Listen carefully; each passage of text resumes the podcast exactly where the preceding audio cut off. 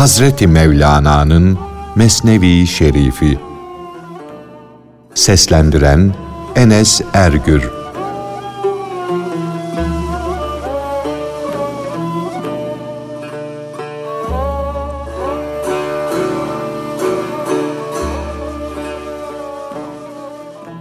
Hazreti Ayşe'nin Allah ondan razı olsun Mustafa sallallahu aleyhi ve sellem Efendimiz'e bugün yağmur yağdı. Siz mezarlığa gittiğiniz halde niçin elbiseniz ıslanmamış diye sorması.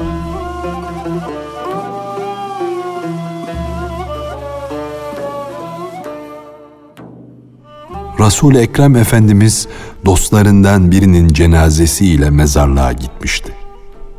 Onun kabrine toprak attı da sanki toprak altına gömülen dostunun ruhunu diriltti. Peygamber Efendimiz mezarlıktan dönünce Hazreti Ayşe-i Sıddıka'nın yanına vararak onunla konuşmaya başladı.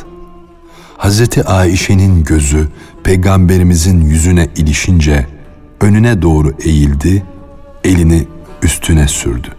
Mübarek sarığına, yüzüne, saçlarına, yenine, yakasına, göğsüne, kollarına elini sürdü. Peygamber Efendimiz böyle acele acele ne arıyorsun diye sordu. O da bugün hava bulutlu idi. Yağmur yağmıştı. Elbisende bir ıslaklık arıyorum. Fakat ne tuhaf şey. Hiçbir ıslaklık bulamıyorum dedi. Hazreti Peygamber o sırada başına ne örtmüştün? Baş örtün ne idi diye sordu. Hazreti Ayşe de senin şalını örtmüştüm diye cevap verdi. Peygamber Efendimiz de buyurdu ki, Ey gönlü tertemiz olan Aişe, Allah bu yüzden senin pak olan gözüne gayb yağmurunu göstermiş. O senin gördüğün yağmur bu gökyüzündeki buluttan değildir. O başka buluttan, başka göktendir. Gayb aleminin başka bir bulutu, başka bir yağmuru, başka bir göğü, başka bir güneşi vardır.'' gayb aleminin ahvali yalnız hakkın has kullarına malumdur. Onlardan başkaları ölümden sonra dirilişinden şüphe ederler. Yağmur vardır beslemek, yetiştirmek için yağar. Yağmur vardır her şeyi perişan etmek için yağar. Bahar yağmurlarının faydası şaşılacak bir şeydir. Fakat sonbahar yağmuru bağ ve bahçeler için sıtma yerine geçer. Ağaçları titretir. Yaprakları sarartır, döker, çürütür. Bahar yağmuru bağı ve bahçeyi nazla besler. Güz yağmuru ise onu sarartır, soldurur. Böylece soğuğu, rüzgarı, güneşi hep birbirine aykırı bil de şaşırıp kalma. Tıpkı bunun gibi gayb aleminde de bu çeşitlilik vardır. Bazısı zararlı, bazısı faydalı. Bazı yağmurlar bereket getirir, bazısı ziyan. Ermiş kişi olan abdalın nefesi de gayb aleminin o baharındandır.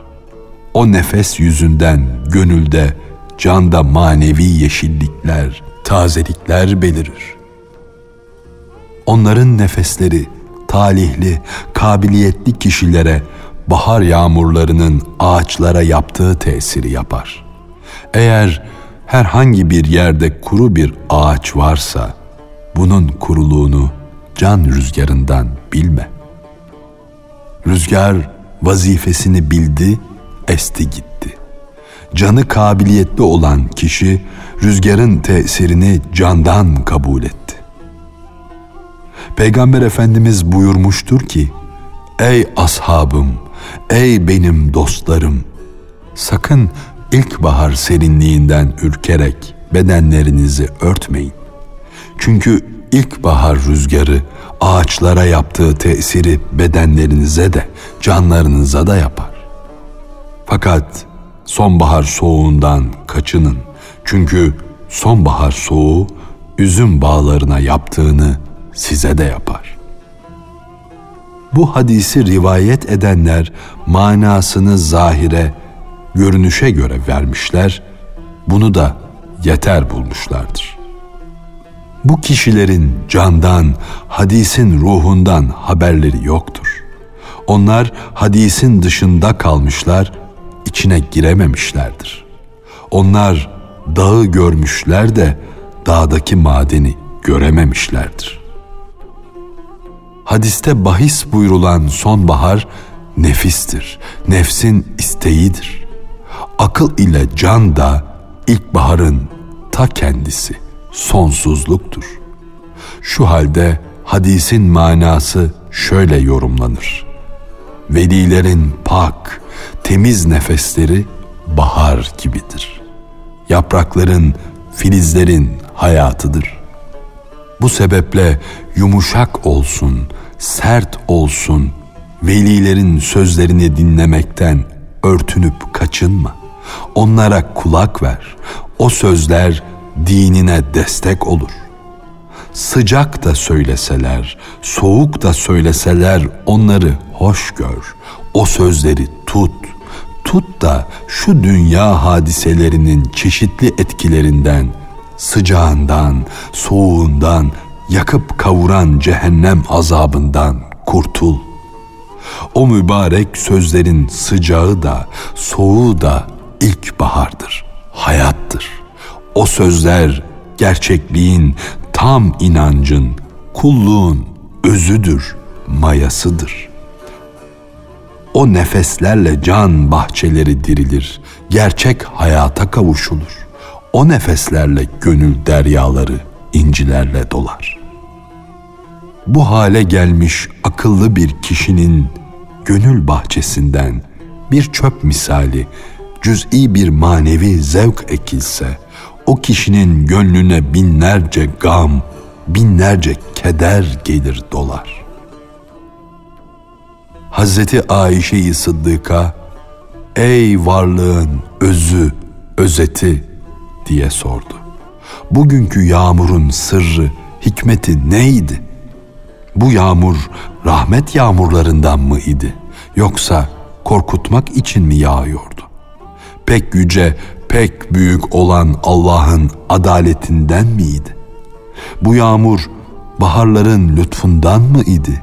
Yoksa güz mevsiminin afetlerle dolu yağmurlarından mıydı?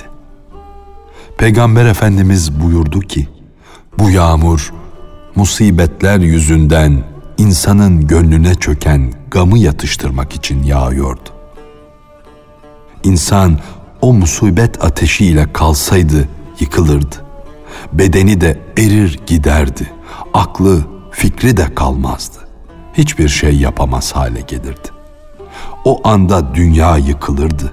İnsanın içinden yaşama gücü, ümide sarılma duygusu çıkar giderdi. Bugün yağmurlu gündür. Gece oluncaya kadar yürü.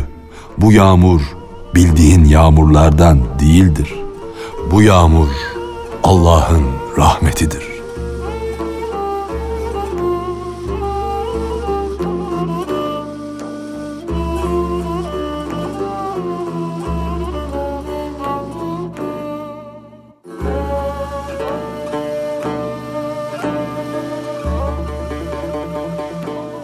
Ağaçların hakikati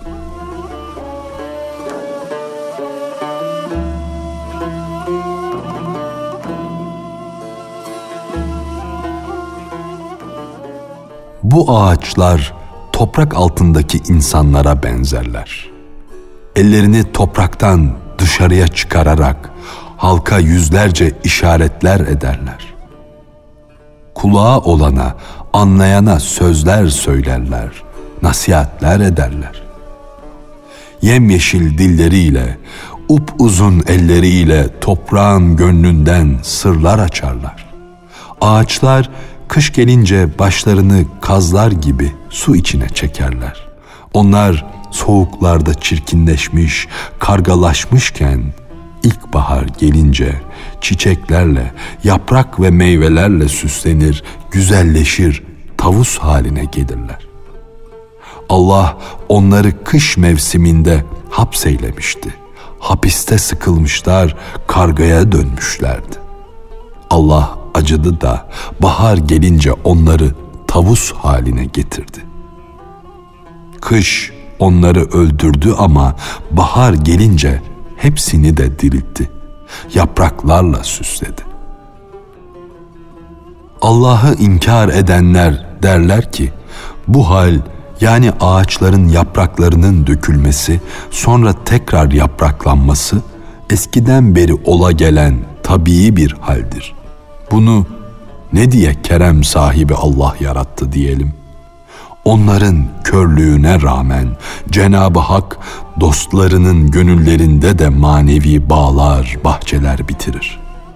Gönülde manevi kokular saçan her gül, külün Allah'ın sırlarından haberler verir durur. O güllerin kokuları inkar edenlerin burunları yere sürünsün diye perdeleri yırtar da alemin çevresine yayılır. Allah'ı inkar edenler o gülün kokusuna karşı kara böcek gibi dayanamazlar yahut da davul sesinden ürken sinirli hastalara benzerler. Onlar ruhlarını uyandıracak hakikatleri dinlememek için kendilerini işe güce vermiş meşgul bir halde gösterirler.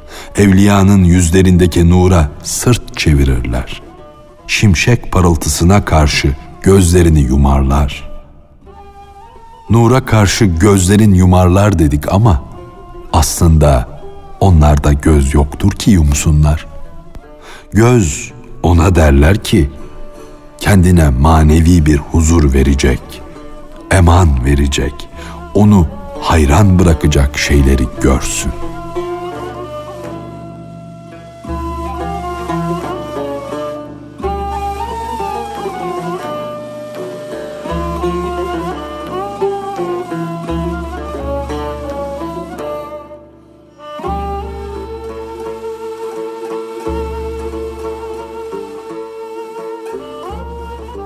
Peygamber Efendimiz'den ayrı düştüğü için Hannane direğinin inlemesi mucizesi.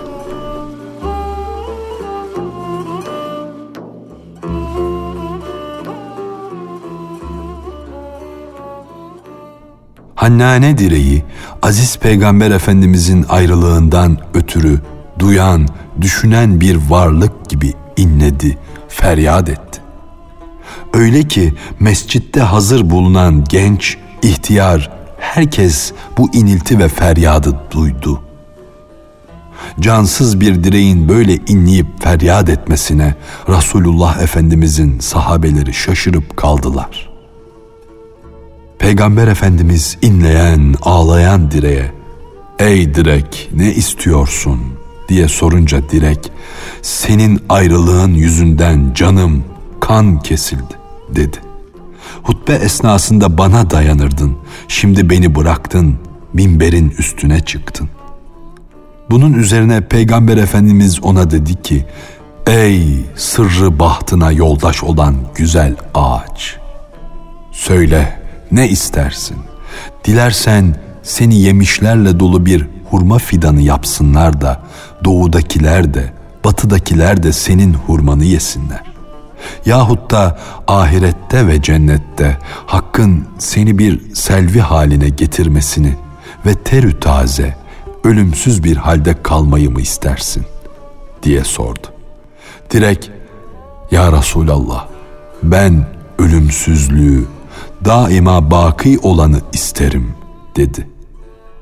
Ey gafil, bunu duy da bari bir ağaçtan aşağı kalma o direği kıyamet günü insanlar gibi dirilmesi için yere gömdüler. Şunu bilmiş ol ki Allah kimi kendisine davet ederse o kimse mümkün olduğu kadar bütün dünya işlerinden vazgeçer de Hakk'a yönelir. Ve her kim Cenabı Hakk'ın lütfuna mazhar olursa Hakk'a yaklaşmak imkanını bulur, dünya işlerinden dünya dedikodusundan kurtulur. Fakat ilahi sırlardan kendisine bir şey verilmemiş olan nasıl olur da cansız bir varlığın inlediğine inanır? O kişi evet der ama gönülden değil, kendisine münafık demesinler diye inanmış görünür. Onu bunu kandırmak için evet der. Eğer cansızlar Allah'ın kün, ol emrini idrak etmeselerdi, bu emre uyarak varlık alemine gelmeselerdi, o zaman bu söz reddedilirdi. Yüz binlerce taklit ehlini, delile dayananları cüz'i bir vehim, zanlara, şüphelere düşürür.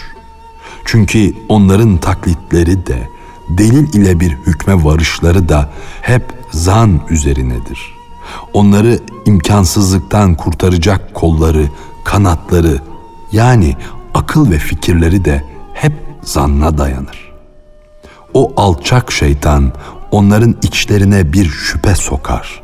Böylece bu körlerin hepsi de baş aşağı düşüverirler. Delil ile hükme varanların ayakları tahtadandır. Tahta ayak ise zayıftır, kararsızdır.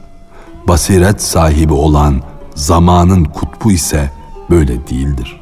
Onun sebatına, ayak diremesine dağ bile şaşırır kalır.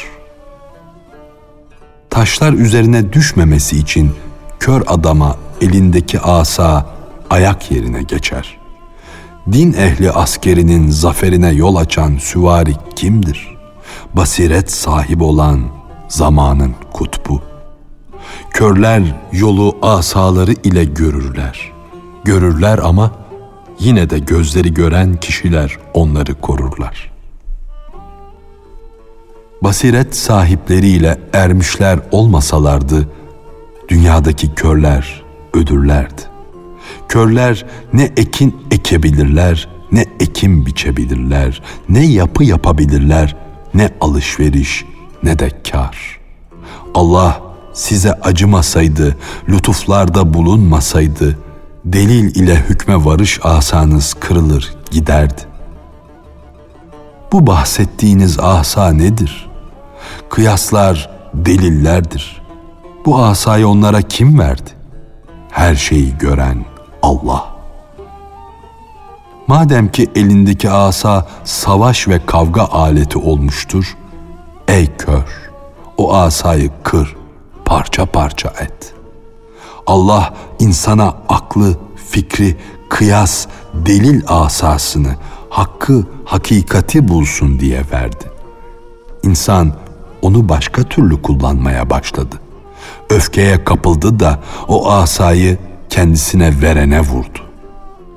Ey körler topluluğu, ne iştesiniz, ne yapıyorsunuz? Aranıza bir gören kişiyi alın. Sana delil ve kıyas asasını veren hakkın hidayet eteğine sarıl. Tam teslimiyetle ona itaat ve kullukta bulun. Baksana, Hazreti Adem istidlali kendisine asa yaptığı için isyana düştü başına neler geldi. Hz. Musa'nın, Hz. Muhammed'in mucizelerine bak. Asa nasıl yılan oldu, direk nasıl ayrılıktan inledi, feryat etti. Asanın yılan olduğunu, direkten inilti çıktığını aklın kabul etmezse, din aşkı ile günde beş defa direk gibi olan minarelerden yüzyıllardan beri sesler geldiğini düşün. Bu da bir mucize değil midir? Bu manevi hakikatlerin lezzeti akla aykırı olmasaydı bunca mucizeye ihtiyaç olur muydu? Akıl, akla uygun olan her şeyi sağa sola çekmeden, mucizeye ihtiyaç duymadan kabul eder. Sen herkesin gidemediği, bu akla uymayan yolu bahtı yaver uyanık kişilerin gönüllerinin yolu olarak gör. Mucizelere inanmayanlar cansız şeylerin inlemesini, seslenmesini inkar ederlerse de kıyamette onların elleriyle ayakları böyle bir şeyin olabileceğine tanıklık eder.''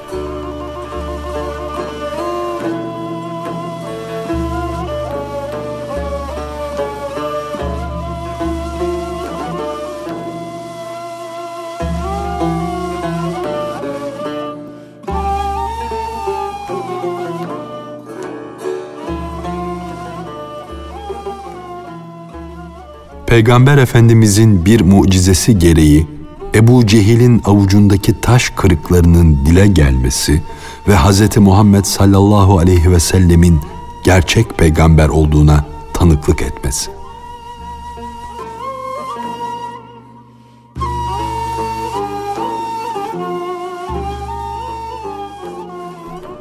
Ebu Cehil Peygamber Efendimiz'i denemek için eline ufak taş parçaları almış onları avucunda gizleyerek ''Ey Ahmet, çabuk söyle, bu nedir?'' demişti. Eğer sen gerçek peygamber isen, eğer göklerin sırrından haberin varsa, bil bakalım şu avucumda gizlediğim nedir? Hz. Peygamber sallallahu aleyhi ve sellem buyurdu ki, elindekilerin ne olduğunu ben mi söyleyeyim yoksa benim gerçek peygamber olduğumu onlar mı söylesinler? Ebu Cehil bu ikincisi imkansızdır, olamaz dedi. Resulullah Efendimiz evet diye buyurdu. Fakat Allah'ın gücü, kudreti bundan da üstündür. Bunun üzerine Ebu Cehil'in avucundaki kırık taş parçalarının her biri kelime-i şehadet getirmeye koyuldular.'' Taşlardan her biri La ilahe illallah Muhammedur Resulullah dedi. Ebu Cehil taşlardan bu sözleri duyunca öfkeyle onları yere çarptı.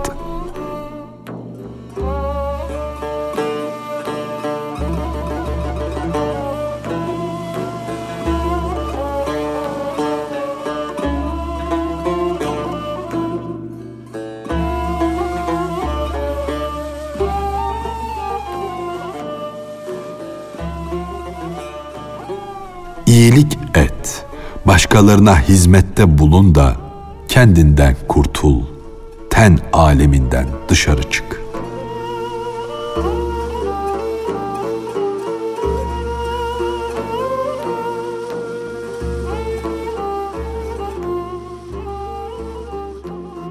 Görmüyor musun?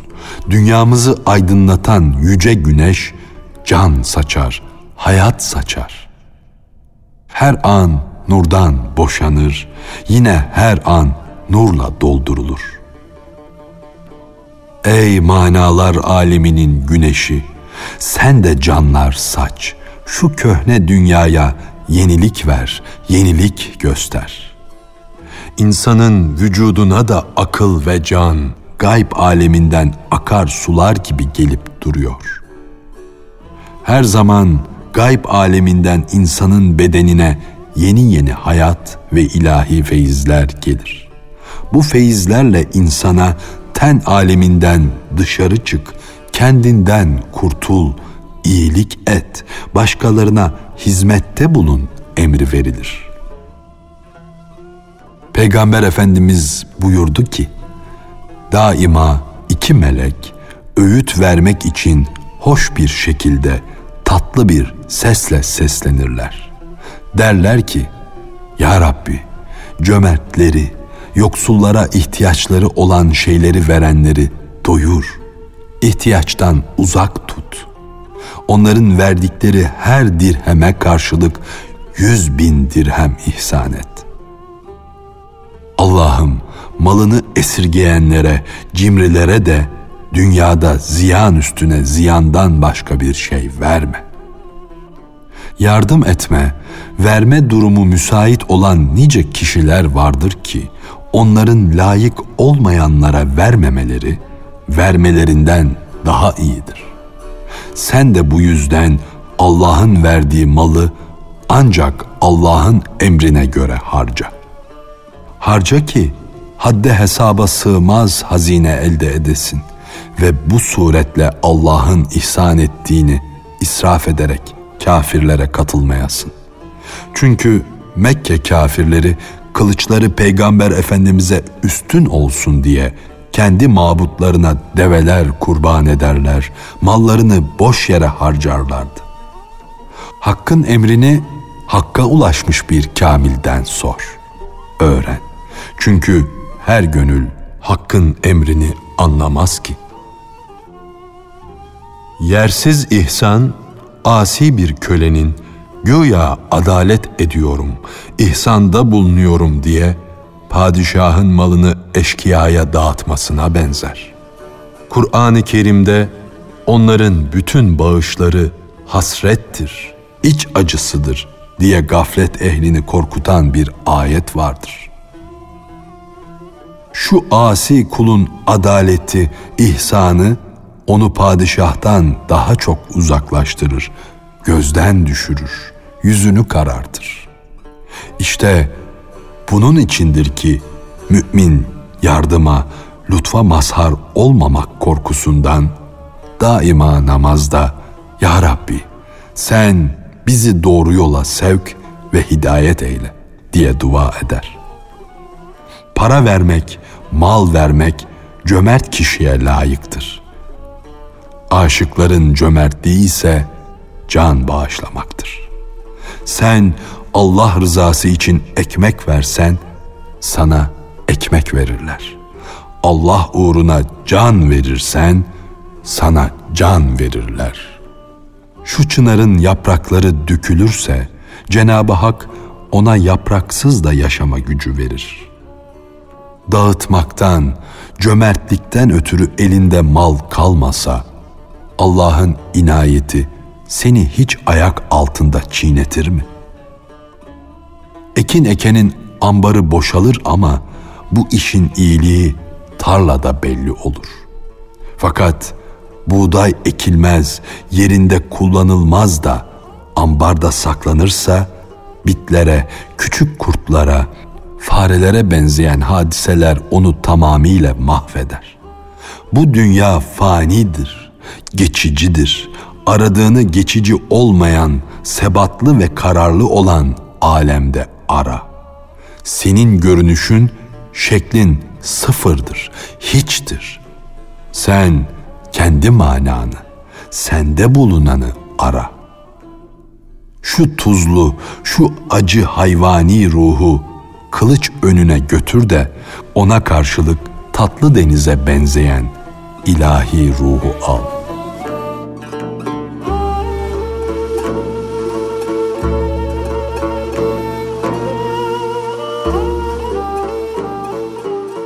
Hazreti Mevlana'nın Mesnevi Şerifi. Seslendiren Enes Ergür